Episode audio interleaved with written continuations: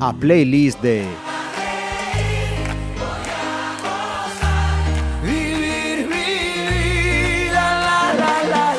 Saludos, tiempo para esta playlist eh, en la que mm, no sé si decirlo a nuestro invitado, mm, cantas algo. A Un- ver si le pilláis. Un poco. Canto un poco. Lo que me dejan. Tino eh, Domínguez. Y es que queríamos eh, empezar a hacer, mm, no un homenaje, sino un reconocimiento a- al, con permiso de todos los demás. Mm, Pero creo que no me equivoco si digo al grupo de Pontevedra, los Black Stones. ¿Eh, Tino? Bueno, hay muchos grupos en Pontevedra muy buenos. Nosotros somos, somos de los que volvimos y llevamos, yo creo que unos 10 años o 11 años. Sí, por ahí 10 años. en, en la- en la- el reencuentro, ¿no? Porque nosotros, eh, que somos un grupo que nos fundamos en el año 69 prácticamente, duramos un par de añitos porque teníamos 16 años.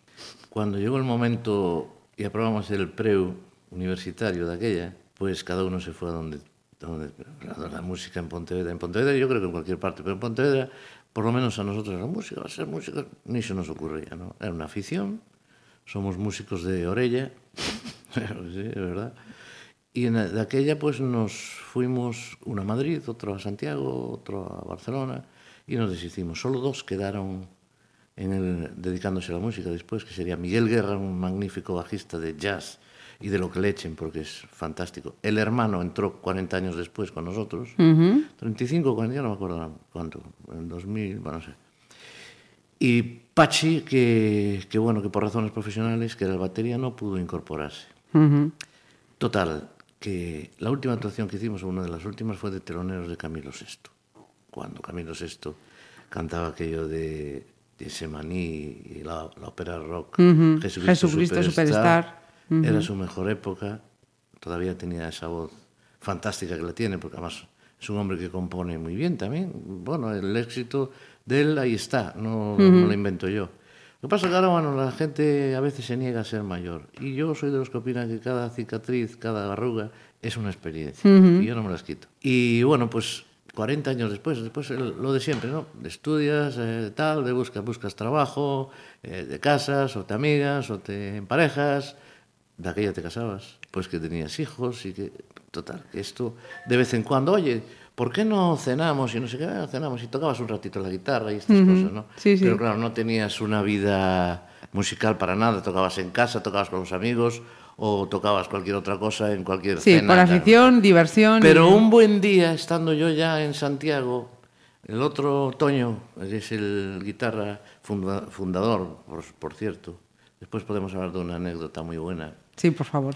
Yo, os- yo os digo que siempre que soy Blackstone por oposición, porque después lo cuento, ¿vale? Perfecto, se nos van acumulando las anécdotas. Bueno, resulta que, que nos vinimos para Pontevedra un buen día y Javier de Albatros nos pidió, coño, había abierto de nuevo el pub, un pub que abrí yo con él en el año 78, Ajá.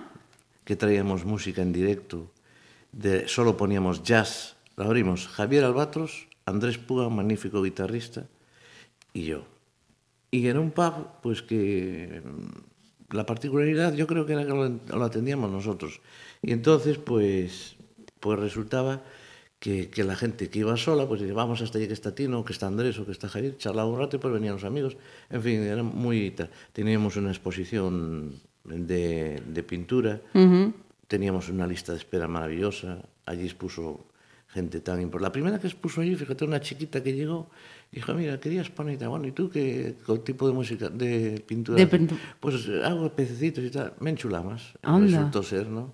Allí estuvo Manolo Molde, estuvo mucha gente muy importante y nos dejaba un cuadro. Exponían, vendían y nosotros nos quedaba un cuadro. Bueno, Retomamos eso. ¿Cómo... Retomamos eso porque Javier nos dice, mira, en aquella época que él volvió a reabrir el Albatros, yo creo que 20 o 30 años después, con las mismas características y tal, dijo, venía a tocar aquí y, y- y- tiré un poco del personal y tocamos allí dos días que lo, lo llenamos totalmente. porque era un reencuentro. Allí había tres generaciones de, Ujú, De de gente Pontevedreses. de Pontevedra que nos conocía, que todavía nos escuchaba y tal. Y a partir de ahí, pues ya yo casi casi pasamos la línea, ¿no? De el año pasado eh, fue tremendo, hacíamos tres conciertos casi semanales. Pero tampoco es que toca, pues este año bajamos el pistón y tampoco es que seamos eh, nada. Humildemente nos divertimos, tomamos unas copas, cenamos y nos, y nos reímos. Punto. Pues os divertís y hacéis de divertir a todos aquellos que Mm. están debajo del escenario.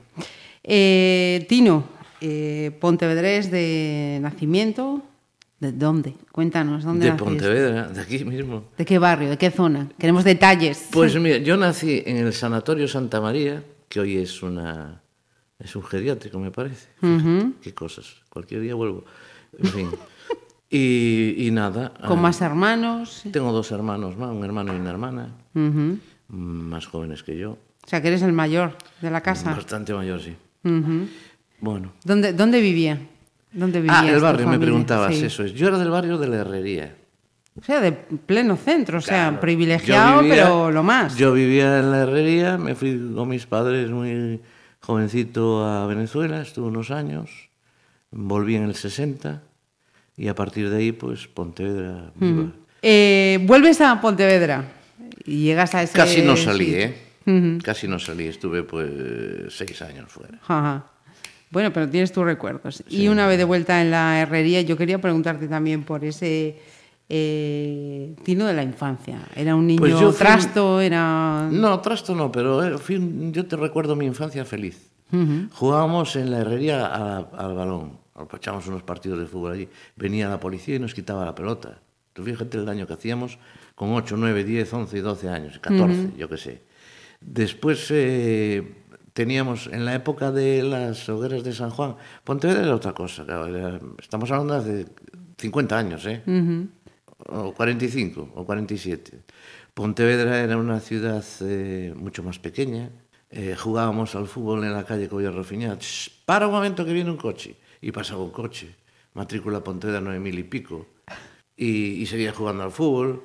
Y en las hogueras de San Juan, pues hacíamos, nosotros en la herrería, hacíamos el- la hoguera y en donde estaba el antiguo parque de bomberos Sí. en esa cuesta detrás de Hacienda, de lo que era Hacienda, ahí estaba el parque de bomberos. Tenía un camión, Ajá. los, los bomberos estaban trabajando en otros oficios, uno era albañil, otro tal. Entonces, cuando había un incendio, tiraban tres o cuatro bombas pa, de palenque, los tipos dejaban el trabajo, iban allí, Y venían. el camión y se iban a apagar el incendio. Toma ya. Cuando no había, o lo que fuera, ¿no? Eso lo recordará mucha gente, supongo, de mi edad y más. Y, y- y lo que decía, las hogueras de San Juan, pues a veces hacíamos gamberradas. Íbamos a los de la feria, de la plaza de Barcelos, y Barcelos. que la tenían ya montada y se la encendíamos, y coñas así. Tenía, yo recuerdo a Pedrada Limpia, en los jardines de San Pedro, y en Castro San Pedro. Castro San Pedro. Delante de... Y carreras de cuadrigas con unos... bueno, es lo que nos divertía. Y jugar, pues, llegaba el invierno al pincho, a las bolas, por temporada, sí. Ujú, claro, Y éramos súper felices, ¿eh? Súper felices. Y- Ahora y el todo el mundo anda con las maquinillas. Sí, ya, ya en lo del lo juego, que la calle y entre... Lo que te preguntan los médicos cuando el chaval llega a la consulta y dice, tú juegas a las máquinas, tendinitis. Y, y los mayores, alguno mayor también con el teléfono y el dedito. Sí, sí, que- sí, sí. Que para mí es una maravilla ver cómo hacen pi, pi, pi, pi, pi. Soy incapaz. Pero y sin embargo te veo bien adaptado a las nuevas tecnologías. Soy- mis hijas dicen que soy un friki de, de tecnología, pero yo la utilizo. El teléfono lo utilizo al 90%. Ajá. Y bueno, mi trabajo también me obliga un poco. Y esto, bueno, pues son caprichos. Di que sí. Mira, ¿y a qué colegio fue Tina? Estuve en la Inmaculada, Ajá. el colegio La Inmaculada de Pontevedra. Ujú. Era un colegio que tiene muchos detractores y tal, pero mira, eh, en su momento era lo que era. Yo no, a mí no me traumatizaba, llevé un sopapo de vez en cuando, pero tampoco, hombre, era muy rígido, la verdad, no voy a decir ahora qué tal, pero bueno, a mí no me dejó ningún Ningún tipo de trauma. de huella, ni de trauma, ni de nada. Eh, estamos además eh, ante un periodista. Cuéntame por qué y cuándo te dio esto del periodismo. Bueno, yo empecé telecomunicaciones, pero llegó un momento en que, en que me cansaba, total, que fue cuando entré en la radio, en el año 80, en radio, Radio 80, y hasta hoy, casi, casi, después, bueno, pues pasé por diversos medios, Has pasado por prensa, radio y televisión. sí, hice un poquito de televisión desde atrás, guion- guiones y cosas así, muy divertido, pero ¿Y, y de los tres, con cuál te quedas? con la radio. La radio. Porque me lo imaginaba. Hombre, la radio, vamos a ver, es inmediata. Eh, Eso es lo que me gusta. Y la radio es viva, la radio es fresca. eh. Radio. Yo empecé en radio además, o sea que... ¿Y eras eh, consumidor de radio en tu juventud, en tu Sí, sí, infancia? eh, tampoco es que hubiera mucho que oír aquí, ¿eh? Sí, no, Aquí claro, en había lo que había. Teníamos la, la mejor televisión de España, que era la televisión española y la única. Después habían abierto un canal más, del el segundo canal, UHF. Y a partir de ahí, ya ves lo que ¿Y en ahora, radio? ¿no? ¿También eras oyente? Sí, sí, claro, la radio a mí me acompaña siempre, siempre. Música clásica, depende. O sea, que formó parte de la banda sonora de la infancia, Muy sonora. juventud de Tino. Sí, sí, sí. sí. Hacemos una primera pausa, que estamos aquí hablando y todavía no hemos hecho una primera pausa. Él ha traído su lista perfectamente escrita. Eh, Tino, ¿por dónde empezamos? Cuéntame. Pues vamos a empezar. En- veréis que muchas de estas canciones son puro directo. Porque a mí, vamos a ver, nosotros tenemos un par de discos, no están mal, hay que tocarlos y hay que cantarlos, pero el, trabajo laboratorio tiene su matiz, ¿no? El directo es en donde realmente se da la talla con tus fallos, con tus desafines y con tus cosas, pero es fresco, vivo. Y, mm, y entonces, pues yo muchas de estas canciones las escogí así. Mm, Realmente no es mi playlist, es, la- es, es una de los miles de playlists que tendría, tendría 40 de 10, ¿no? Eh, la primera canción que vamos a escuchar se titula Till There Was You, algo así como Aquí estás tú, algo así. ¿no? Till. Till y aquí estás tú, es- más o menos. Bueno, y yo. Y esta es una canción que no es de los Beatles, la tocaron muchas veces los Beatles, pero a mí me gusta muchísimo una versión que hace Paul McCartney, que es el que la cantaba siempre y la canta muy bien, que se grabó en Estados Unidos y, y que incluso se había hecho una conexión en directo con la estación espacial y les cantó un Good Day Sunshine y todo. fue Es un vídeo muy interesante que yo tengo y del que cogí esta canción, Till Was You. Pues eh, con Paul McCartney empezamos esta playlist de Tino Domínguez.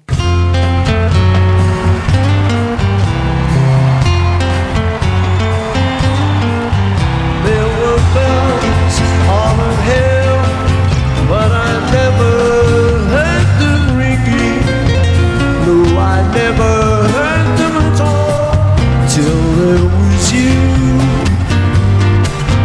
There were birds in the sky, but I never saw them winging. No, I never saw them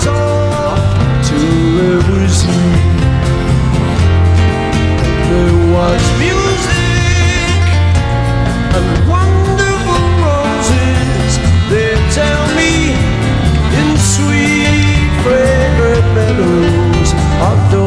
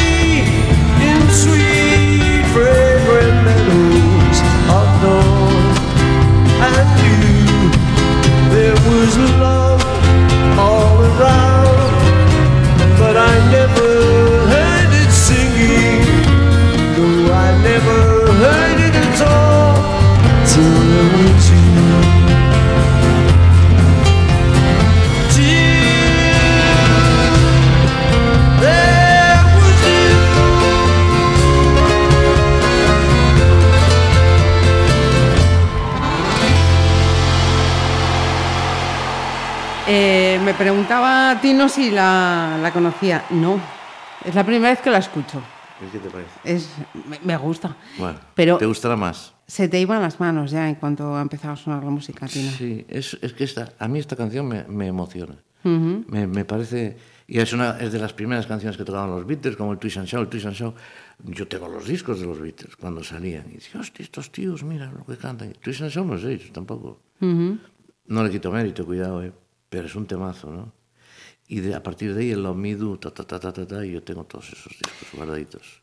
Eh, se me amontonan un millón de preguntas. Espera, eh, lo del gusto por la, por la música, ¿a ti eh, de dónde te llega? ¿Por quién te llega? ¿Es cuando te marchas a, a estudiar? ¿Por En mi, qué fue? casa, en mi casa mm, siempre sonó la música. Mis padres eh, solían escuchar música. Yo me sabía aquellas canciones todas que cantaban Los Panchos, el tío Calaveras, música eh, española. Eh, a mí en Venezuela me, me quisieron llevar a, a la radio a cantar. Toma. No me atreví, me daba vergüenza. El himno venezolano, por cierto. Son vivencias, sí, muy, muy entrañables, pero que ya, ya quedaron allá, ¿no? Y después cada canción tiene su... eh, Para mí, siempre lo digo, ¿no? Las canciones son como fotografías. Cada una te dice, pues, un amor, un desamor, un mal momento. un- Una persona, una situación, un viaje, un recuerdo, Y el título y las letras y lo que dicen, pues muchas veces te, te identifican. te- Yo, esta playlist, ya digo, podía haber hecho 40 Te parecidas. pillamos dentro de 15 días y nos haces... Otra, otra, sí, sí, seguro, seguro, porque es...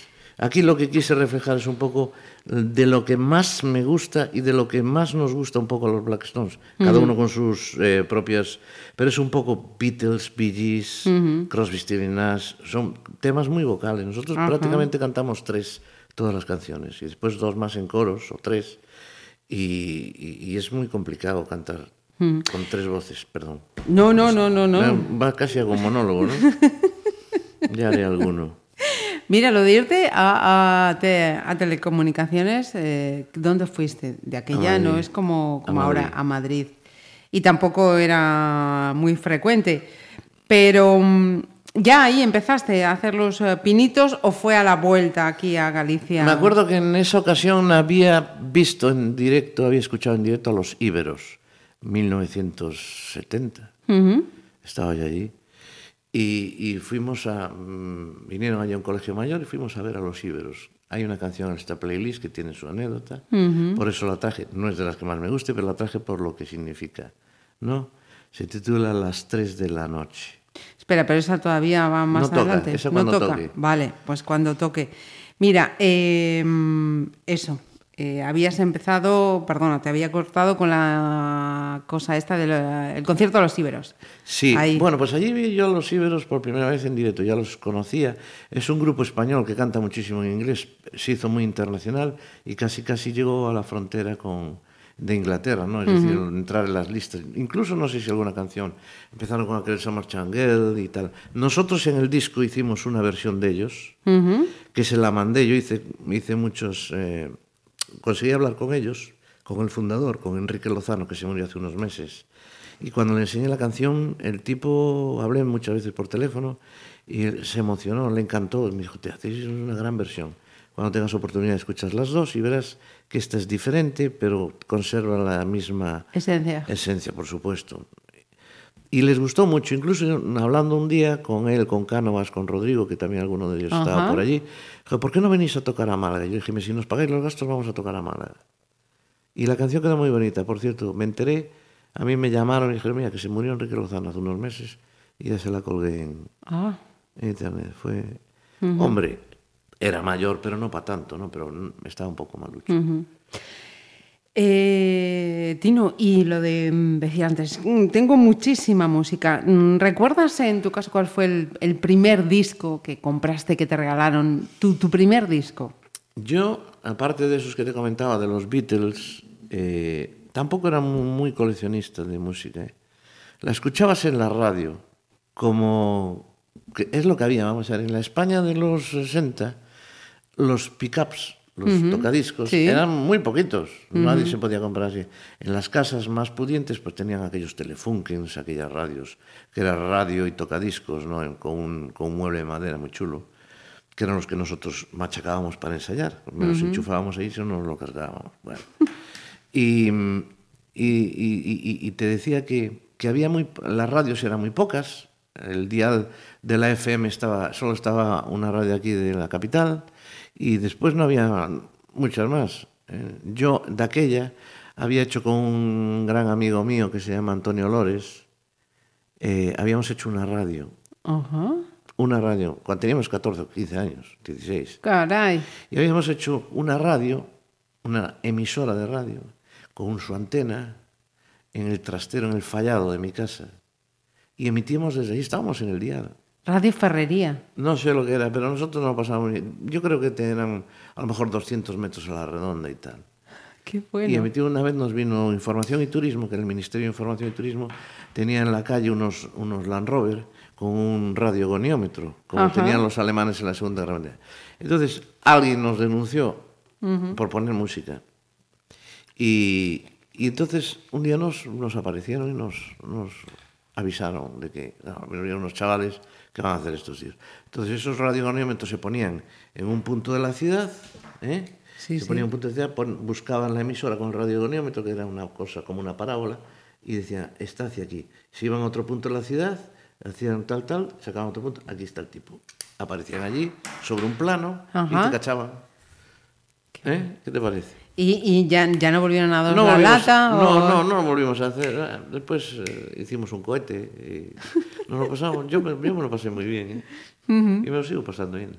De eso, de eso se trata, Tino, disfrutar el tiempo que estemos. Eh, decías al comienzo de esta entrevista. Bueno, vamos a hacer otra parada, además, que tengo aquí anotadas va- varias cosas de, de estos primeros momentos. ¿Cuál es la segunda selección? Es una canción de un grupo de los 70, prim- yo creo que el 74, a lo mejor. Eran, eran Chicago, fueron de los primeros americanos que incorporaron eh, viento, es decir, metal, como le llaman también, trompeta, saxo y tal. Una banda bastante grande, yo creo que eran 8 o 9. Y una canción que se titula Hard to Say I'm Sorry, que significa algo así como... Es lo difícil de decir decir lo lo siento". siento. Y es una canción en directo que canta Peter Cetera con una voz maravillosa, una- un registro altísimo, toca el bajo divinamente y las compone. Y la escuchamos. Pues esta sí que me la conozco. tío. Esta versión en directo no, no, no te va a sonar igual.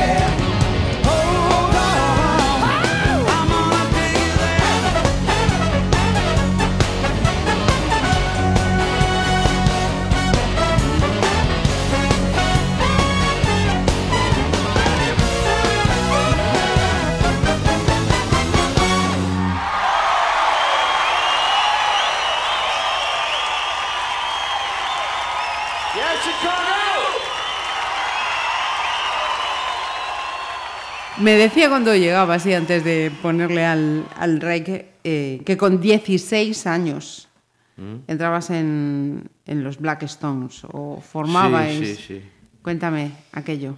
Bueno, en Pontevedra había muchísimos grupos eh, como nosotros, 16, 17 años y algunos, algunos otros con 20 que ya eran mucho más, más profesionales. Era difícil dedicarse a la música, pero había muchísimos grupos. Pontevedra es una ciudad musica, muy musical, lo demuestra desde la Polifónica, creo que se llama, de Pontevedra, que había dirigido Castelao, creo, y hasta, hasta de todo. Bueno, yo, yo no estaba en el mercado. Yo a veces estaba con algún, con algún grupo por ahí que les hacía una visita, los, éramos todos amigos, ¿no?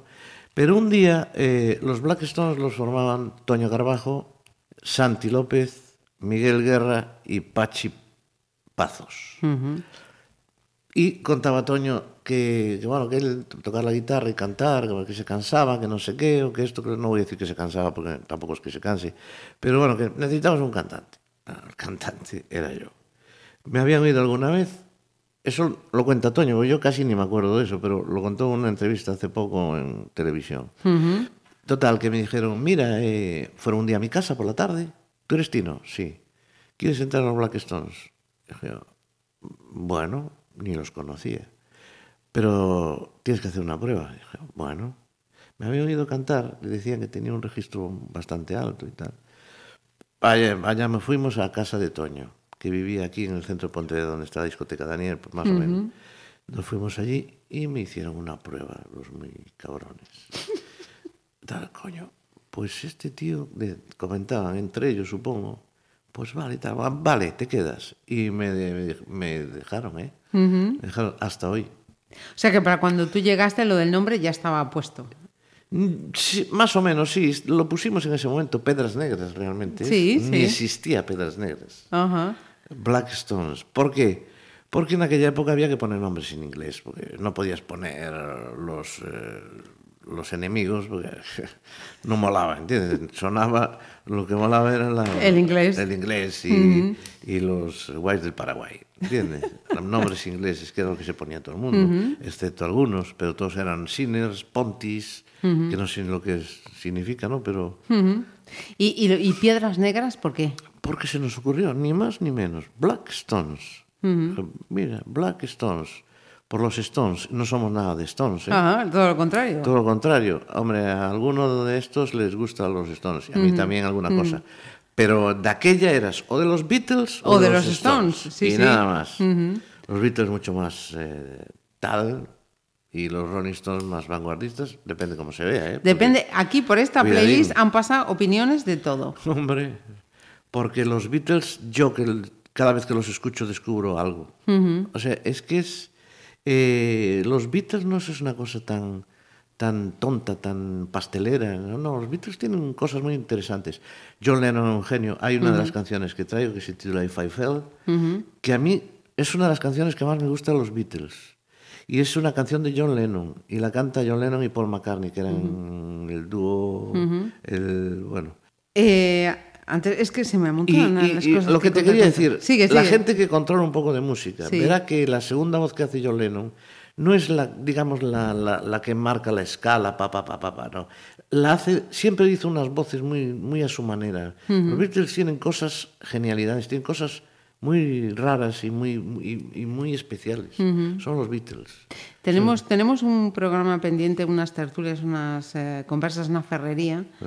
Con motivo del aniversario del Sgt. Peppers. ¡Oh, Así ¡Qué que maravilla! te- Ese LP llegó a España un año después, porque yo creo que era el año 68. Llegó un año después porque había una canción que se titula Lucy in the Sky with Diamonds. In, in the Sky, Sí, S, sí, sí, sí. Diamonds, LSD, que habla de los ojos caleidoscópicos. Y dije, Ajá. esto es pecaminoso, esto no se puede meter aquí. Y, y estuvo peleando mucho por entrar al mercado. Pero es, es un. Es muy manido eso de antes y después. Es diferente porque desde el Revolver, desde el Rubber Soul, desde el Sgt. Pepper, son todos diferentes. Es que los Beatles evolucionan tal. Y yo me alegro mucho, todavía tengo el gran musical de un periódico de música que ponía, salían la foto de los Beatles, un cristal y roto, el año 70, el día que se que dieron la noticia que se deshacían los Beatles. Eso lo tengo yo. Guardadico. Mira, Y, aún, eh, y aún- y aún tengo una anécdota muchísimo mejor, que después te cuento. a ver, ¿y, y esta cómo me la noto? ¿Anécdota Beatles? Sí, porque eso fue, Vale. fue una maravilla, la posibilidad de... Pues voy anotando, anda que Sí, no, sí, sí. no nos quedan anécdotas. Eh, yo, es- espera, espera, espera, espera, que es que no- nos vamos a, aturullando. Tenías una selección, si no me equivoco, relacionada con este momento en el que entraste en los Black Stones. Sí, Creo. ¿no? Sí, la sí, siguiente. La, la canción que, que me pusieron a prueba es de Los Íberos y se titula Las tres de la noche. Y si quieres la escuchamos. Pues venga. Sobre todo los coros, que era lo que a ellos les más les, les molaba, los coros, las voces de los coros.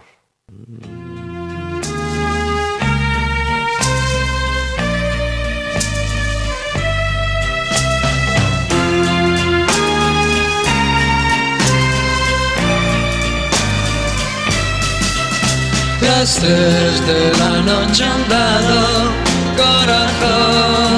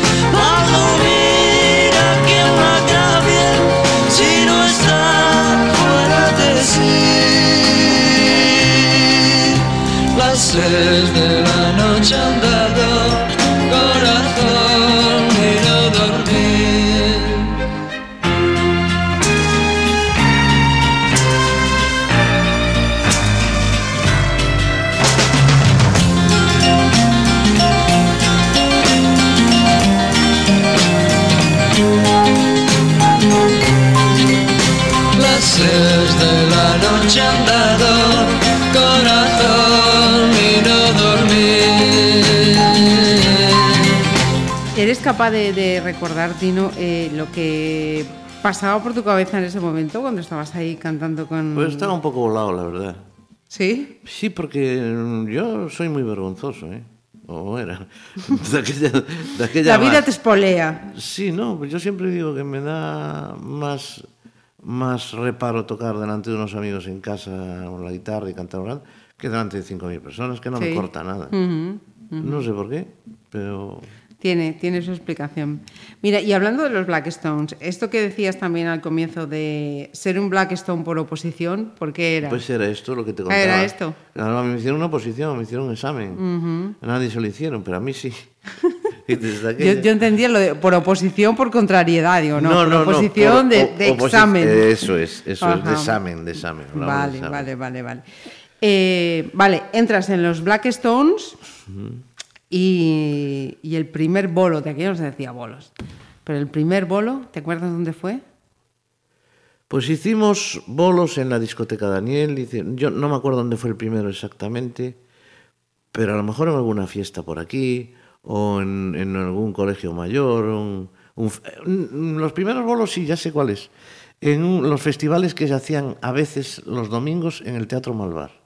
Hacían una especie de matinés Ajá. y allí está, iba la gente con sus pandillas. Que, bueno, nosotros teníamos una pandilla de 30 personas o 40 y eran los que te aplaudían y los que tal. Los otros te silbaban y los del otro grupo igual. Y al final ganaba uno. Y, y ahí, y ahí, ahí efectivamente, en ese tipo de festivales, pues ya pues te veían y a lo mejor te llamaban a tocar algún sitio por ahí. Una- un fin de año en las Siete Torres en Vigo, que yo no pude ir. No me dejaron. Los dejé más colgados que... Pero a cambio fue alguien y, y cantó. Hay fotos de eso todo. sí. Ajá. Mira, y, y de aquella me imagino que también para estar en un grupo musical. a- Ahora ya es todo mucho muy, muy, muy diverso, ya no llamas tanto la atención. Pero de aquella, estar en un grupo musical exigía una estética que conllevaba eh, un salirse del, del círculo que no pasa ahora. Nosotros no nos salíamos mucho del círculo porque ¿No? no, no, nos- nos sacaban a nosotros del círculo. Te quiero decir que, bueno, había alguna melenita y tal, pero no era mi caso. Yo no me podía disfrazar, digamos. Y pues, yo, es que vamos, mis padres se enteraron que yo estaba en un grupo, yo creo que años después, ¿no? ¿Ah, sí? sí, sí, no, no, no, no lo tenían claro. Yo tampoco decía, porque si no, echaban para atrás. Como a todos, claro. Es un desastre. Músicos peludos y tal. O sea, que erais músicos en secreto, a pesar de que dabais por ahí. Hombre, no todos, pero yo sí. Yo un poquito sí. Yo tampoco lo contaba así en casa, ¿no? Si, no me, si no me decían, mira, tú, en fin, ¿a dónde vas? Porque de conocimientos musicales ninguno. De, de escuchar mucha música sí, pero bueno. O sea, que mm, tú esto de, de cantar y lo demás ha sido a base de escuchar, escuchar, escuchar. Yo creo que es escuchar. genético, porque mi abuelo tocaba el acordeón y el violín de oído. Mi madre canta también muy bien. Mi padre cantaba. Un tío mío tocaba el saxo, el otro también un instrumento, estaba en una orquesta. Ujú. Y de algo, algo vendrá por ahí, claro. Sí, sí. No sé, digo yo, ¿no? Algunos cuantos genes ahí que se Sí, un- reunieron. tenía mi abuela, era pianista. Anda. La- una, una abuela de las dos que tenía, era pianista. Y sí, sí, ¿no? Sí, pues, hay mucho gen por ahí vinculado ahí. Con, con la música. Por ahí anda. Sí, señor. Y mm, otra cosa más que nos quedaba también a- atrás, esa anécdota de los Beatles. Luego te cuento una anécdota de los Beatles, cuéntamela. Pues mira, yo conocí a una persona muy metida en, en- en este tema de los Beatles. Y había un festival en, en Santiago de médicos del mundo, o Médicos Sin Frontera, un rollo de estos. Y me dijeron, oye, vas a ir a... Me llamaron por teléfono a la una de la tarde. Y me dijeron, oye, vas a ir al... fe- a-". Hombre, claro que voy. Después te digo el grupo que era. Porque si no, levanto la sorpresa. Y dice, tienes que venir a comer porque tú tienes que estar aquí, en esta comida. Y dije, bueno, pues... Vale, ¿y dónde voy? Vas a tal hotel, somos 20. Allí estaba el, el que era maestro de ceremonias, que era Gurruchaga. Anda. Estaba Chenoa, que también cantaba un par de cosas que canta divinamente. en Eso, eso no es la Operación Triunfo, eso es... Esa mujer canta muy bien y tocaba más, hizo un par de temas. Tal.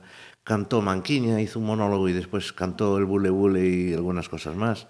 Cantó Extrema Urgencia, que es un grupo de médicos de Coruña eh, y tal. Pero en esa comida los últimos, en, esa- en ese concierto los últimos que tocaban fueron las personas que a mí me invitaron y que yo estaba con ellas, que era de Quarrymen. Y de Quarrymen hay una foto de John Lennon con 14 años, con una camisa de cuadros, un micrófono y, y tres tipos detrás en el Ajá. colegio. Esos son de Quarrymen. Toma. El batería con 78 años estuvieron contándome anécdotas y todo esto. Y estuvimos hablando. Un flash. Flipamos, flipamos, flipé yo.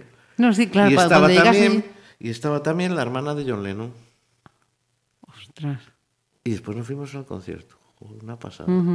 Y conocer de un par de anécdotas como nos contaban ellos, de John y de Paul, cómo se conocieron.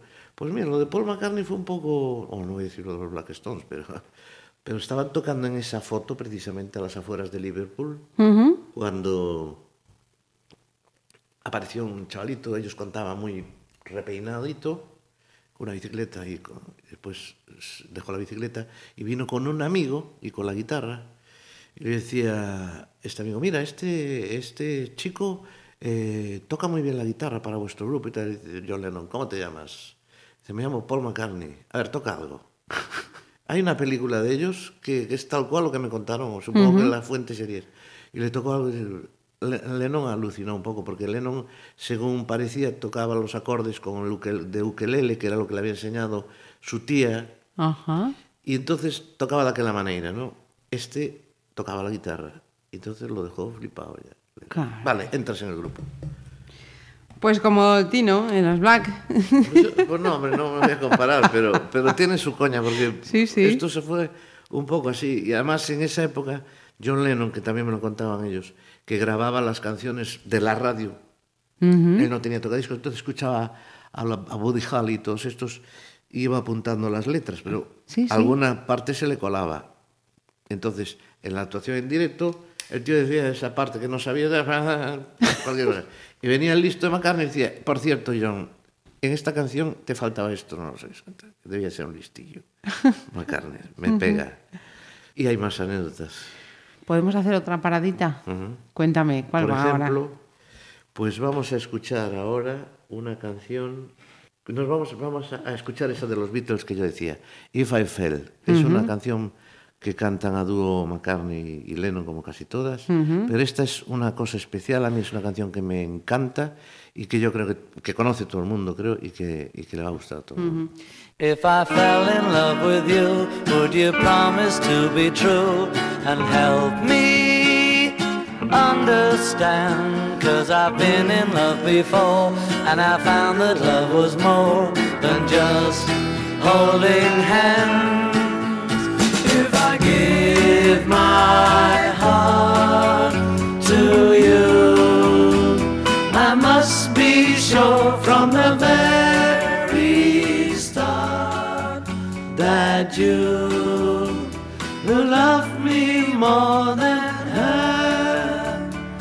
No estamos para cantar ya ahora, estas horas. Esto es un lujazo, Tino.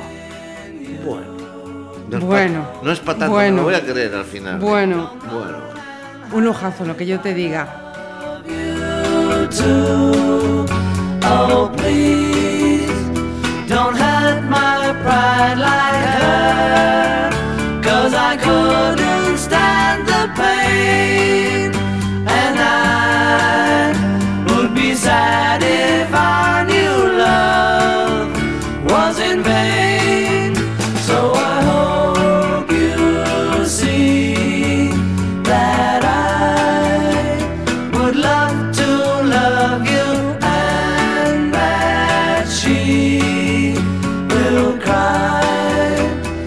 She learns we are two.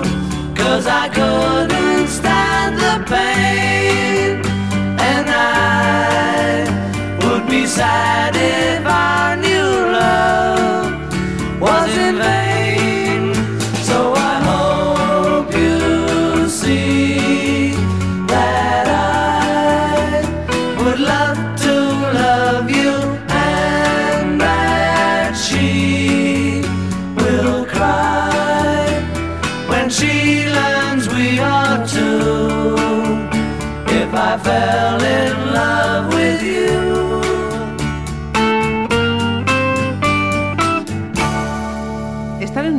grupo musical siempre ha venido acompañando, acompañado de, de le- de la leyenda urbana de ser músico o siendo músico se liga mucho. Sí, se- liga tocando la guitarra, un poquito. ¿Sí? Vamos, nosotros cuando no ensayamos, pues lo que hacías, como, como, como muchos grupos, iba a tocar la guitarra a la Alameda. Y entonces allí estaba pues eh, tus amigos y estaba la gente que le gustaba la música y la gente que se arrimaba a escuchar. Entonces, pues todos los grupos de Ponteda hacían prácticamente eso, ¿eh? Y, y allí estábamos eh, tocando. Y sí que se liga, hombre, pero yo ya no estoy para esos rollos. ¿eh? No, de aquella, de aquella. Hay muchas aquella. anécdotas que no se pueden contar, me imagino. Habrá No, otras más no, contables. ¿Qué va? No, no, no. ¿No? Tam- tampoco era para tanto, no te creas, ¿eh?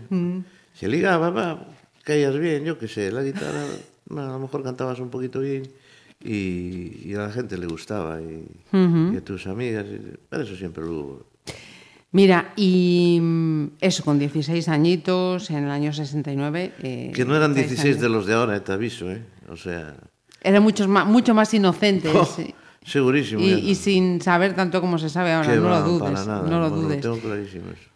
Lo del inglés, tengo yo curiosidad. ¿Cómo, ¿Cómo es ese dominio del inglés que tú tienes? Yo creo que aprendimos inglés con los Beatles muchísimos españoles, o por lo menos lo, lo hablamos liger- di- ligeramente. Tampoco es que, que yo me defiendo, pero vamos. tampoco. Yo estudié francés, porque de aquella lo que estudiabas era francés. Sí, Te mandaban a estudiar francés en, en- en el, en el plan de estudios que figuraba, era el francés. Y después el inglés, pues lo aprendías con estas cosas. Yo me sé las, un poquito de oído que tengas y tal, pues bueno, mira, vas, vas Saliendo del paso. Claro, no. Dicen que no lo hacemos muy mal, pero bueno, yo tampoco, tampoco me, me lo creo. Mira, nos divertimos mucho, lo pasamos muy bien y ya está. Y que nos quite lo bailado, ¿sabes? Mira, y, y enseñándome esa, esa página oficial, esa foto en la que aparece Tino, podemos saber de qué momento es. ¿Cuál de ellas? La? Esta, esta, esta que tienes ahora mismo Esa en fue pantalla. en un concierto que hicimos en la herrería. Que me hicieron una foto y, y nada más. Y quedó muy bonita, por cierto. No es que yo sea muy guapo, pero la foto quedó muy chula. No, no está maquillada, ¿eh? Oh, No no, está- hay, no Photoshop. no está tuneada, No hay. Photoshop. Mira, Tino, eh, decías eso, que mm, es- esa primera etapa inicial de, de los Black Stones es, es breve. Cada uno seguís. eh, es que está enseñándome, está enseñándome fotos aquí, Tino, mientras. ¿Es solo Black Stones? vamos- Sí, sí, sí. Del sí. 69. Fíjate, estamos viendo una imagen en blanco y negro de, de aquel grupo, de aquellos pipiolos con 16 eh, añitos. Bueno, fíjate, oye, con el cambio Estos del tiempo, poco a poco. Eh, ¿cómo, cómo, cómo es eh, la, la vida de Tino? Eso, ya digamos que una vez que los Black Stones se quedan de puertas adentro. ¿Cómo van pasando los años? Me habías dicho eso, lógicamente dedicado al periodismo, pero ¿te han pasado muy rápido? Volando. Sí. A mí, y últimamente me pasa muchísimo más rápido todos los años. Porque, bueno, yo no sé, no sé por qué. Yo supongo que el tiempo te va transformando y, y no sé, a mí los días se me hacen cortísimos, no me llegan para nada. Es más, yo duermo muy- bastante poco y aprovecho todo lo que pueda eh, pues para, bueno, para leer, para escuchar mucha música, para de todo. Eh, te está enseñando fotos. eh, como decía, yo so- es Son un hombre que está muy, muy, muy metido en esto de las nuevas tecnologías, redes sociales, etc, etc, que es algo que también, lógicamente, su, su trabajo, me imagino, que, que lo, lo lleva, su trabajo, nuestro trabajo. Eh, te quería preguntar eh, también por esa faceta más, más personal. Nombrabas antes a, a mis hijas. ¿Cómo se llaman esas criaturas? ¿Cuántos años tienen? Mis hijas se llaman Sara y Marta. Son Sara y nombres Marta. bíblicos, por cierto. Y una es, una, te digo lo que es una, Sí, por favor. pianista, Anda. con sus 16 añitos de carrera, es Esa es Sara. Sara. Y la otra Marta que se dedica a la moda, a, a la moda, sí, el diseño de moda. Ujú. Y ahí están funcionando por ahí como pueden y...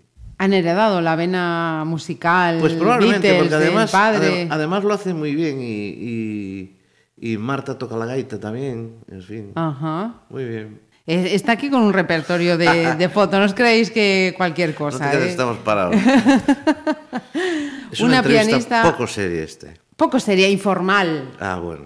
Entrevistas serias y formales ya se hacen mucho Y, y no. Queremos que esto sea algo distinto.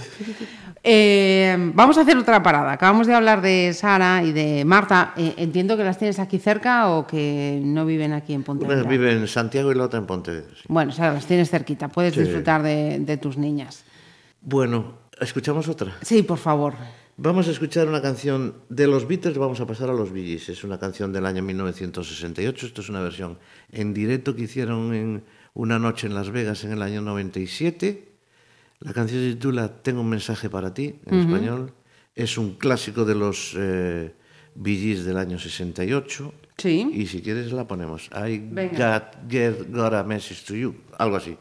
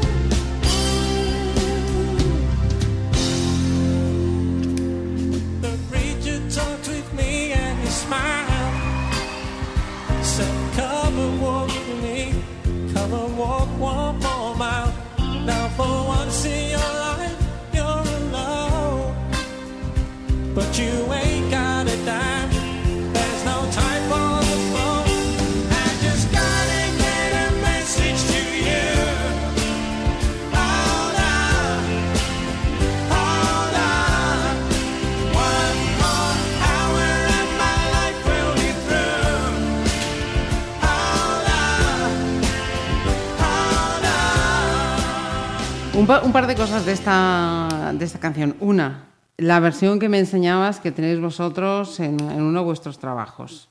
Sí, en el primer disco que tenemos, tenemos dos, e hicimos una versión de esta canción. Sí. Y, y lo segundo, fíjate, yo estaba escuchando ahora y, y antes de, de, de escuchar la, la voz, ¿no me parecían los Billys? Fíjate. Pues sí, son los Billys en directo y el que cantaba. Cantaban los tres, hacían mm, este mm, Robin Gibb, que se murió, que solo queda, como sabes, uno de los Billys nada más. Barry. Queda Barry Gibb, sí, que era el mayor. Ajá. Los otros se murieron todos, o sea, una desgracia, es una auténtica desgracia para la música. Ya hacen una versión más rápida, diferente a la del año 68. Son diferentes, pero esta tiene mucha más potencia y está igual. Hombre, estás de los Black Stones, ¿qué me vas a No, contar? Dicen que tenemos nuestro sonido ya. Yo creo que un poco sí, aunque hacemos las versiones de algunas son lo más clavadas posible, ¿no? Pero cuando, claro, cuando escuchan nuestras canciones, dicen, ¿y esa es tu voz? Dicen, claro, es que las otras son imitaciones. claro. Cuando cantas a McCartney, imitas a McCartney. Cuando cantas a Lennon y a Eagles o a quien sea que también. nos Porque gusta. eh, en todo esto, mm, ahora que dices eh, de, de imitas o no, eh, pues grupos que interpretan canciones de otros grupos los ha habido prácticamente siempre, ¿no? O canciones que se recuperan Sí, de años anteriores. Pero eso de, de bandas tributo, ¿a vosotros os gusta? ¿Os sentís identificado con ese...? Nosotros, eh, lo voy a decir con toda humildad, ¿eh? que se entienda bien.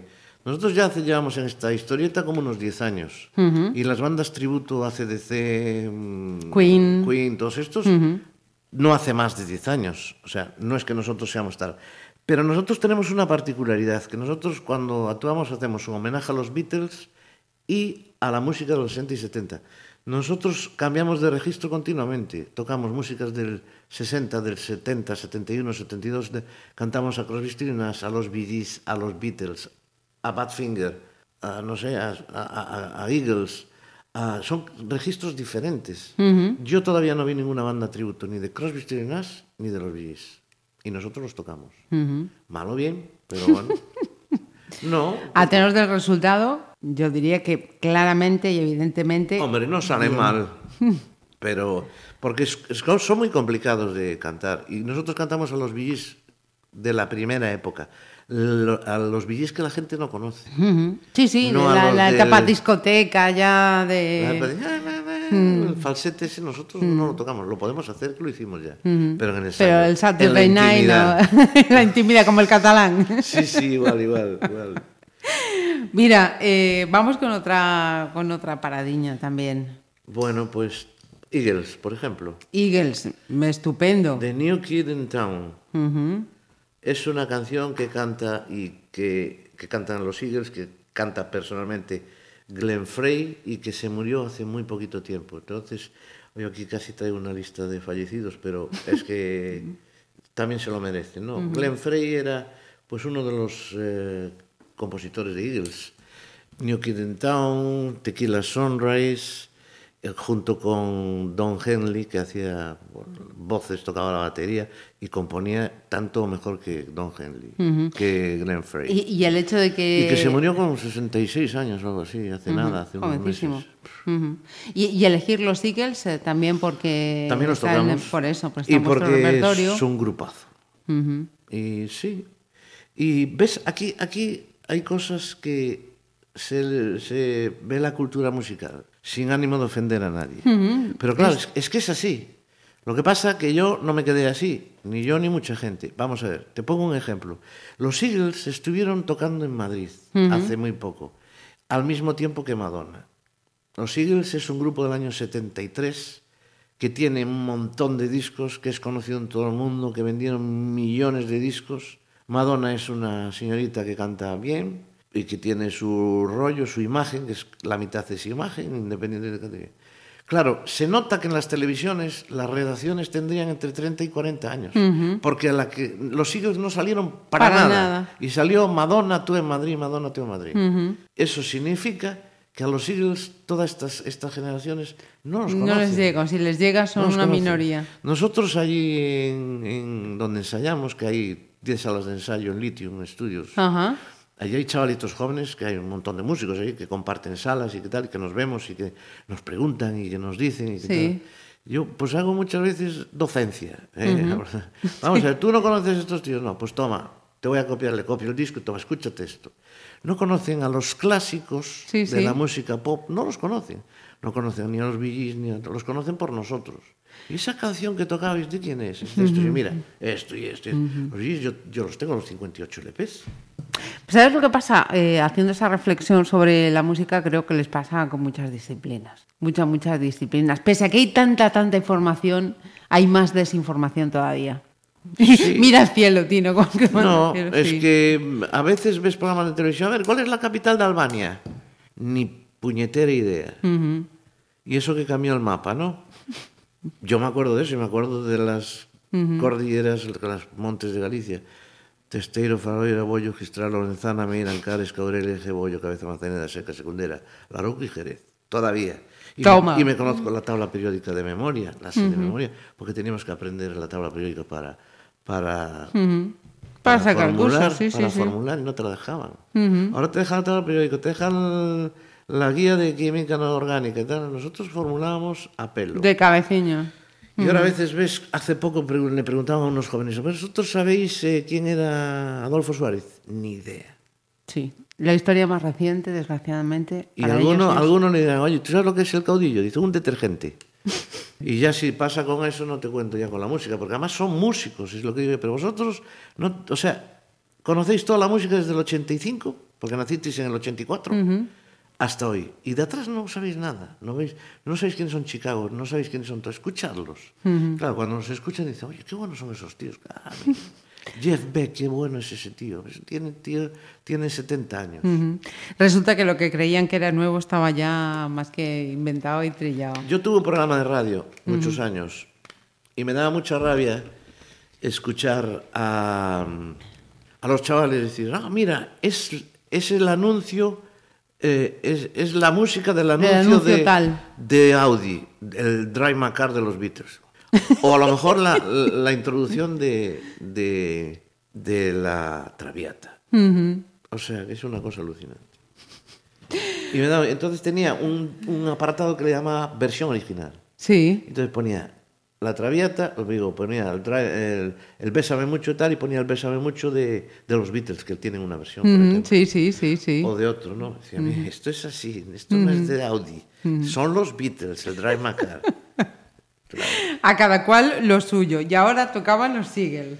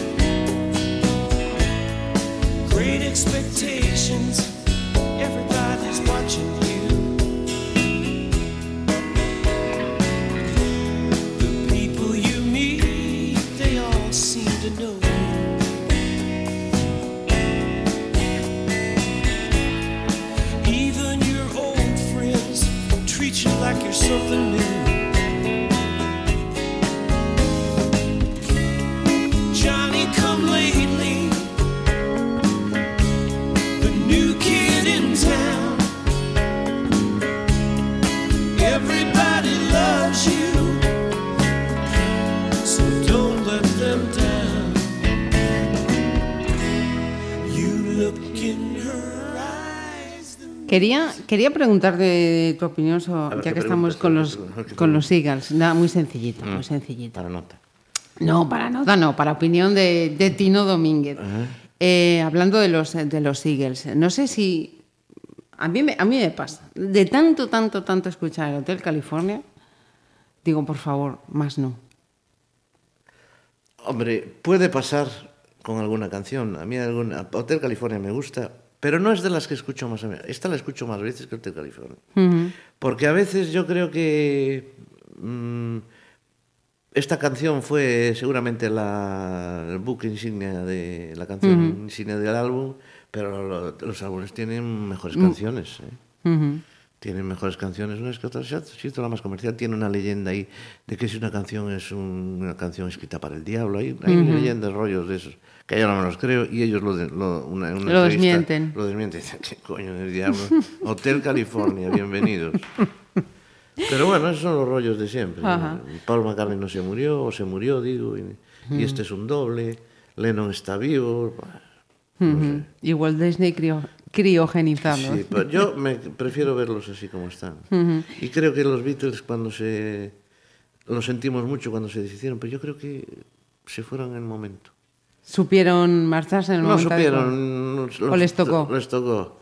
Porque ahí están los Rolling, sí, con todo respeto. Pero joder, a veces es que yo no sé cómo con la artritis o artrosis que tiene este hombre en las manos, el, el, el- el- Kate. Keith Richards, es capaz de tocar. Tiene en las manos absolutamente. ¿Y a qué precio? También digo, ¿a qué precio de, de lo que Bueno, es- hacen es- para subir al escenario? Es que están muy desgastados también, pero bueno, pero a mí me encanta. A nosotros también nos dicen, "Oh, ¿vosotros cómo aguantáis ahí dos horas?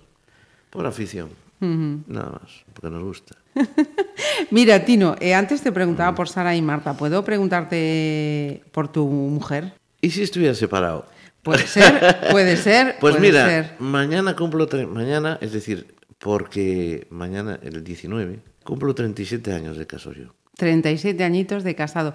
Cuando esto lo estén escuchando ya va a ser tiempo pasado, porque esto lo van a escuchar eh, Bueno, por primera vez el viernes. Es decir, esta semana, Esta semana. Tino Domínguez ha hecho su 37 aniversario de bodas. Yo cuando entro en estos terrenos me gusta ir así un poquito a tientas. Por eso te preguntaban. ¿las Eso, me, hijas? eso me, pasaba, me pasaba con un sitio donde llevo 30 años comprando la carne. ¿Sí? Un día fui Y me dice, hombre, hace tiempo que no vienes, es que te, ahora compro la carne allí en el otro lado que tienes otra sucursal. Y dice, bueno, bueno, ¿y qué tal? ¿Todo bien? Y dije, pues sí, tal. Y, y el nombre después me decía, es que mira, con toda confianza, ¿tú, tú sigues con tu mujer, no? Dije, sí, sí, sí. Es que, claro, aquí llegas, ¿qué tal su mujer? Y dice, me separé hace dos meses. Oye, ¿qué tal que su mujer? Me separé hace un año. Y no quería preguntarlo porque hacía tiempo que no te veía. Pues sí, debe ser así. Mira, y esta mujer a la que quiero felicitar también, ¿cómo se llama? Teresa, Pues eh, Mucha Teresa. sí. con mucha paciencia, aguanta mucho, mucha caña de los conciertos. Sí, porque un concierto no es llegar y tocar. Un concierto es irte por la tarde, probar el son- montar, descargar, montar el sonido, tocar, hacer la prueba de sonido, cenar a toda pastilla a lo mejor y tal, después tocar las 3 de la mañana, recoger y marchar para casa. Y eso también se lo comen. Claro, claro. Ya, pero bueno, a veces, mm, pues es- Mira, y te- ella también lo pasa bien y no te creas tú. ¿eh? Eh, Somos la- un en grupo- primera fila, ahí somos me un grupo imagino, seguro. bien, Sí, sí, sí. No se perdió, excepto un concierto, creo, uno, porque estaba enfermo o algo así. El resto Los demás siempre ahí. se los come completamente. ¿Y, y dónde? Y además Sí, se hizo una experta, ¿eh? sí. Sí, sí, sí. Hoy el sonido, no sé qué, hoy quizás tal, hoy no sé qué, hoy mejor que el otro día, hoy peor que el otro día, tal. Tela. ¿Y, y dónde conociste a Teresa? Si no es mucho preguntar. Pues mira, a Teresa la conocí cuando yo tenía el Papa Albatros, Ajá. que lo abrí con Andrés y con Sí, Javier. nos comentabas. Pues allí los conocí, allí la Ajá. conocí, ya estoy. Ujú. 1980. Pues que sigan siendo muchos más, Teresa. Y además, te- fíjate, eh, yo, yo, yo conozco, yo conozco, Sí, conocía conozco. a un señor que decía dos hijas de una madre la aparición de un padre. Con, con ironía, ¿no? Ya, es ya. como mm, rodeado de tres mujeres, mis tres mujeres. Yo Que- todo me lo gasto en mujeres. Me lo gastaba. Hasta tenía una perra. Sí, es la que nos va a dar pie a la, siguiente selección, ¿no? Sí, esta es una canción que yo le tengo mucho cariño porque empe- empecé haciéndola por una perra schnauzer que tenía, que se murió, que llevé un disgusto en casa todos. Y entonces empecé a hacer una canción, una canción, una canción, una canción, y me salió una, una que está en el disco, en el segundo disco nuestro, de los que le da el nombre al, al segundo disco, así como el otro es Black Stones Medio Siglo. Ajá. Este es Black Stones Forever por la canción que se titula Forever in My Heart, para siempre, en mi corazón. Pues vamos a escuchar ese tema y después le voy a preguntar por una anécdota o un detalle, un gran detalle que está vinculado a esta canción.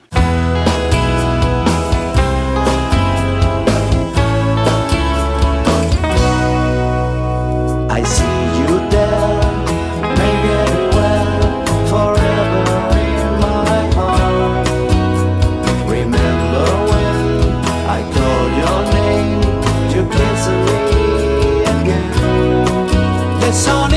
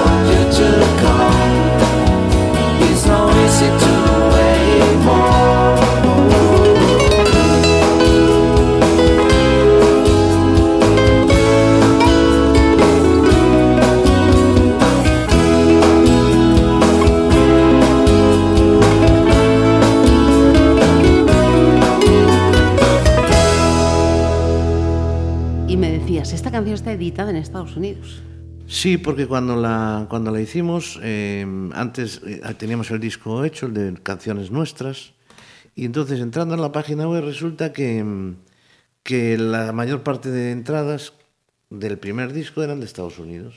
Entonces dije yo, coño, pues mira, voy a colgar esta. Yo la hice en inglés porque me parece el idioma para cantar. No es por nada, con todo respeto a los alemanes, que parece que te están echando una bronca, ¿no? Y el cantar. Tengo versiones de los Beatles en alemán, que muchos conoceréis, ¿no? Y con Darme Deine Ein, o sea, ¿Eh? a lo que oyes. Y el Si liebst dich, más bonito si loves you o te quiero. Ah, vale, Más bonito vale. te quiero, ¿no? Pero si loves you o el si dich, pues, en fin. Eh, y entonces a mí me decían, "Oye, es la única que va en, en- Esto es coña, ¿eh? Todo, ¿eh?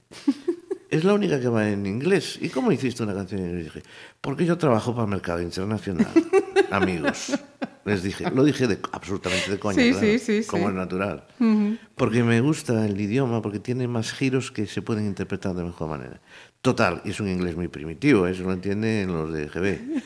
Y total, que, que la colgamos en la página web y a la semana nos llegó una petición, un contrato eh, para dar permiso para incluirla en un, en un disco con otros grupos, esa canción. Y ahí está. Toma. Estuvo en Spotify, en iTunes, en todas partes. Ujú. Suerte, es la cosa del Internet. Nosotros en nuestra época para comprar el equipo de sonido ya... Pues Te las veías y las deseabas. No, no, era imposible, era muy difícil, carísimo todo. Y ahora te compras una guitarra por 300 euros. Una, una guitarra no es muy buena, porque hay de 3.000, la misma. Pero bueno, pero tienes una guitarra eléctrica. O sea, la gente puede... Daquella nada. Uh -huh. Era imposible, impensable. Dios, imposible. Sí. Uh -huh. ¿Qué más cosas que fue? Eh, ¿y, lo, y lo de componer con un sentimiento así tan, tan pues fuerte. Pues mira, mi mujer me dice, tú no eres nada romántico. Y yo, pues no. Y en cambio las, las canciones me salen así. Pues no seré romántico. No sé. Pero compongo que me salgo. No, me, tampoco es eso. No, pero yo lo mismo compongo. com- compongo no quiero decir porque me parece muy fuerte. Yo no soy compositor, soy un aficionado. Pero hago esas, esas melodías. sí. Pues lo mismo a una de estas que una de desamor, que una.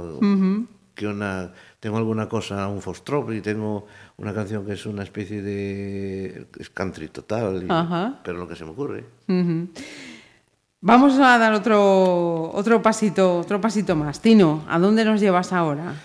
Ahora vamos a escuchar una canción que se titula I Don't Want to Talk About You, que la canta un directo fantástico, que la canta Rod Stewart, con una chica muy jovencita que canta muy bien, que se notará en el dueto que hace con el nervio, un poquito nervioso al principio, y que es una canción que tiene un cierre con un sax, una saxofonista del grupo de Rod Stewart que hace un solo final de saxo que alucina hasta el saxofonista más grande. Y podéis verlo en YouTube que está muy bien, vale la pena. I don't want to talk about you. Rod Stewart y Amy Bell.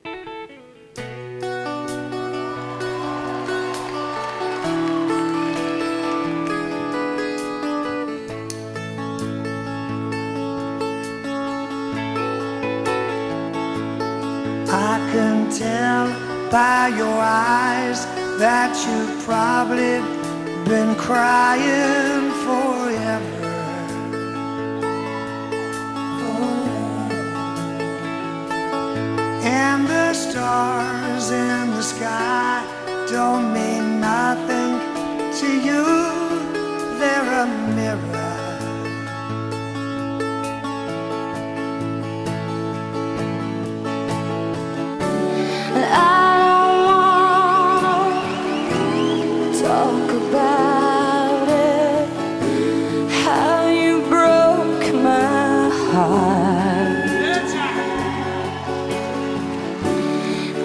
I stay here just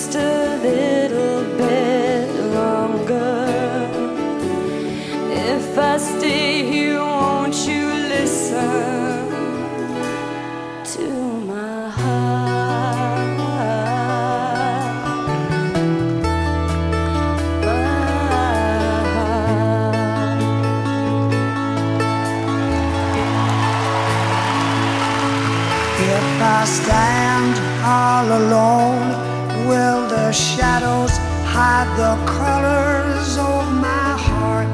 Blue for the tears, black for the night. Fierce the stars in the sky don't mean nothing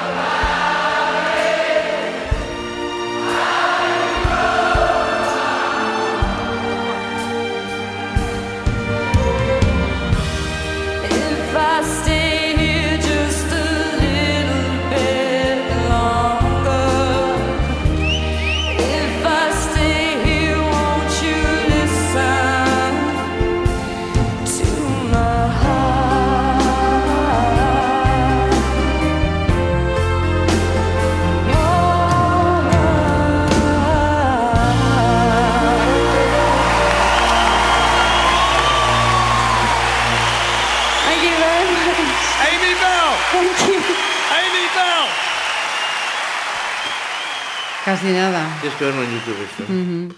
Y, y además, mira, uno de, uno de mis eh, puntos eh, débiles, si, eh, si hubiese un instrumento, si, si la vida me hubiese llamado, me hubiera dado la, la capacidad de tocar un instrumento, No sin duda hubiese sido el saxo. La guitarra, a mí me llama la guitarra, pero debió ser que el profesor que me tocó no, no llegó a mm, transmitirnos la fibra que me quedé en el intento.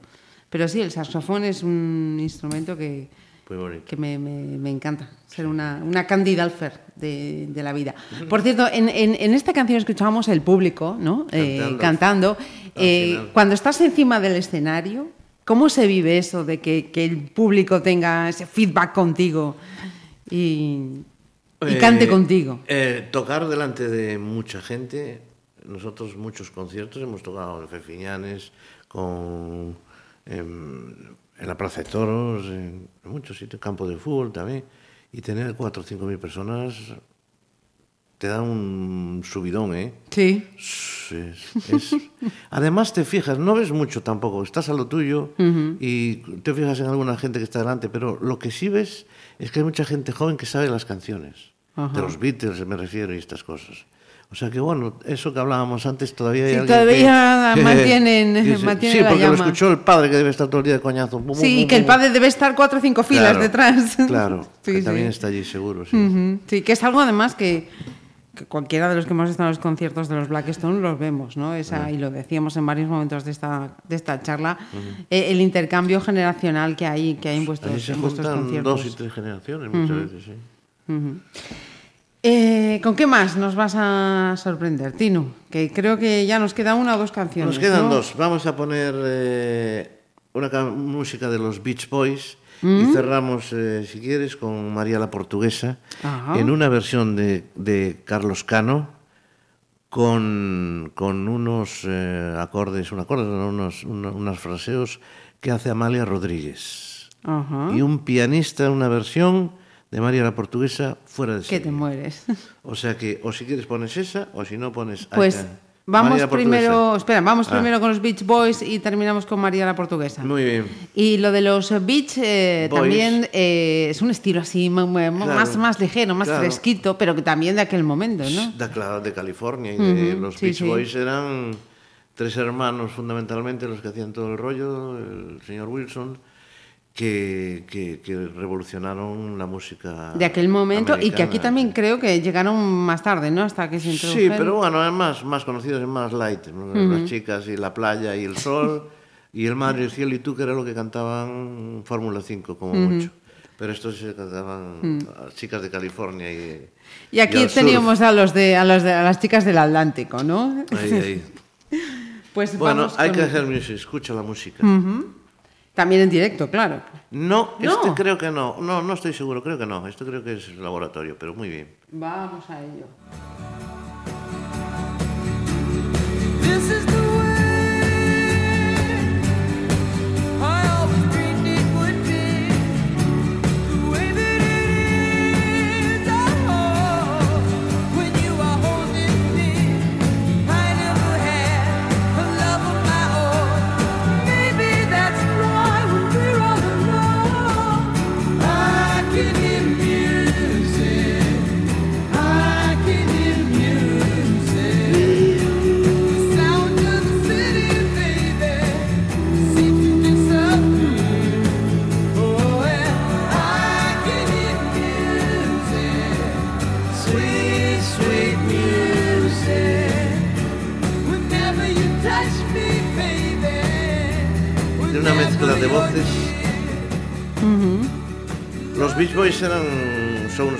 Todavía andan por ahí haciendo algunas cosas. Lo que pasa es que faltan la mitad, pues, no, no sé. Sí, sí. Pero si escuchas con detenimiento, este, si analizas esta canción, tiene por lo menos ocho voces. Yo, yo no sé cuántas tiene. Claro, pistas, ¿no? Sí. Pero ellos también eran seis, creo. Y cantaban todos, ¿eh? Ajá. Y hacen cosas. Tum, tum, tum, tum. A lo mejor hacen cosas así, ¿no? Y suenan muy bien. Era, al final, eh, ellos también crearon su escuela, ¿no? Entre comillas, Sí, sí, ¿no? Un sí, estilo particular que luego se imitó. Tenemos se- también alguna cosa, los Beach Boys. Es que son todos los palos que tocamos, claro. Y Sí, tocamos sí. mucho, es casi una historia de la música, ¿eh? Ajá. Entonces, ¿un tributo a qué? A la música. Sí, Era- sería una buena definición. Crosby, Stills, Nash, todo lo que contaba antes. esto. Sería una, una buena definición, sí, señor. Pues eh, debe ser, creo que el único tema que, que no es en directo de todas las selecciones que nos, Sí, bueno. que nos han hecho. Y me imagino que a medida que vayan pasando tus colegas de, de los Black Stones será un denominador común. Me da a mí que, que todos vais a ir Este tirando de- por los palos este del directo, ya no solo por los Sí, grupos, sí, sino del yo creo que sí, vamos, pero, pero no sé, a ver. A ver con qué nos sorprenden. El próximo, día mandamos otro. ¿eh? Mira, Tino, y para terminar, este María la, la portuguesa, que también va a ser un poco un punto y aparte, ¿no? En todas las Claro, que has porque hecho. um, a mí me gusta mucho la música sajona, pero la música española también me gusta. Tengo muchísima música española y esto me gustaría, me gusta, me gustaba ponerla precisamente por la calidad que tiene, porque es una versión. Hombre, supongo que la gente que está metida aquí que la escuchará no es la María la portuguesa de siempre, pero es una, una cosa un poco más acústica, con un piano fantástico y la voz de Amalia Rodríguez. Ajá. Que eso eh, es un lujo. Es un añadido. Eh, Tino, para ir eh, terminando, porque solemos terminar, ponemos una última canción, pero antes eh, nos, nos despedimos. Yo no voy a decir la edad que tiene, me lo ha dicho antes, pero no lo, no, no lo voy a decir. Me jubilo este año. ¿Qué querés que te diga? Que tienes que disfrutar entonces a partir de ese momento de más tiempo libre para dedicarte a tanta afición eh, como, como tienes y, y para disfrutar de, de la vida, que a fin de cuentas eh, también es de lo que de los que de lo que escaseamos muchísimo al final al final del, del camino. Y un deseo que será el mío, pero seguro que será el de muchos de los que vayan escuchando estas playlists, que tengamos Black Stones para mucho, mucho, mucho tiempo. A ver. si nos quieren bien, si no, pues nada. Sin duda, por cierto, si nos quieren, aquí en Pontevedra lo- los queríamos y los vamos a tener en San Roque el, el 2 de agosto a las ocho y media en la plaza Irmás Pazo Montes. ¿no? Sí, sí, ahí al lado de la capilla de San Roque. Pues ah, ahí eh, estaremos siguiendo a los Black Stones, pero los vamos a ir teniendo aquí personalmente para que nos hagan su playlist en Pontevedra Viva Radio. Tino Domínguez, un placer conocerte personalmente. Muchas Yo gracias, cuando te había visto era ahí en el escenario. ha sido, ha sido un placer y muchísimas gracias por, por este tiempo. A ti. En las noches de luna y clave, de Ayamonte hasta Villarreal, sin rumbo por el río, entre suspiros, una canción viene y va, que la canta María, al querer de un andaluz. María la alegría y es la agonía que tiene el sur que conoció a ese hombre en una noche de vino verde y calor y entre palma y fandango la fue enredando le trastornó el corazón. Y en las playas de isla se perdieron los dos. Donde rompen las olas, besó su boca y se entregó. Ah, María la portuguesa, Ayamonte hasta Faro, se oye este fado por las tabernas, donde bebe viño amargo, porque canta con tristeza, porque esos ojos cerrados, por un amor desgraciado, por eso canta, por eso pena. Fado, me faltan sus ojos, Fado me falta su boca, Fado porque se fue por el río, Fado porque se fue con la sombra. Fado, me faltam teus olhos, saudades da tua boca. Fado e todas as águas rodaram, ai, não resta mais que uma sombra. Dicen que fue el te quiero de un marinero, razón de su padecer, que una noche en los barcos del contrabando al langostino se fue. Y a la sombra del río un disparo sonó. Y de aquel sufrimiento nació el lamento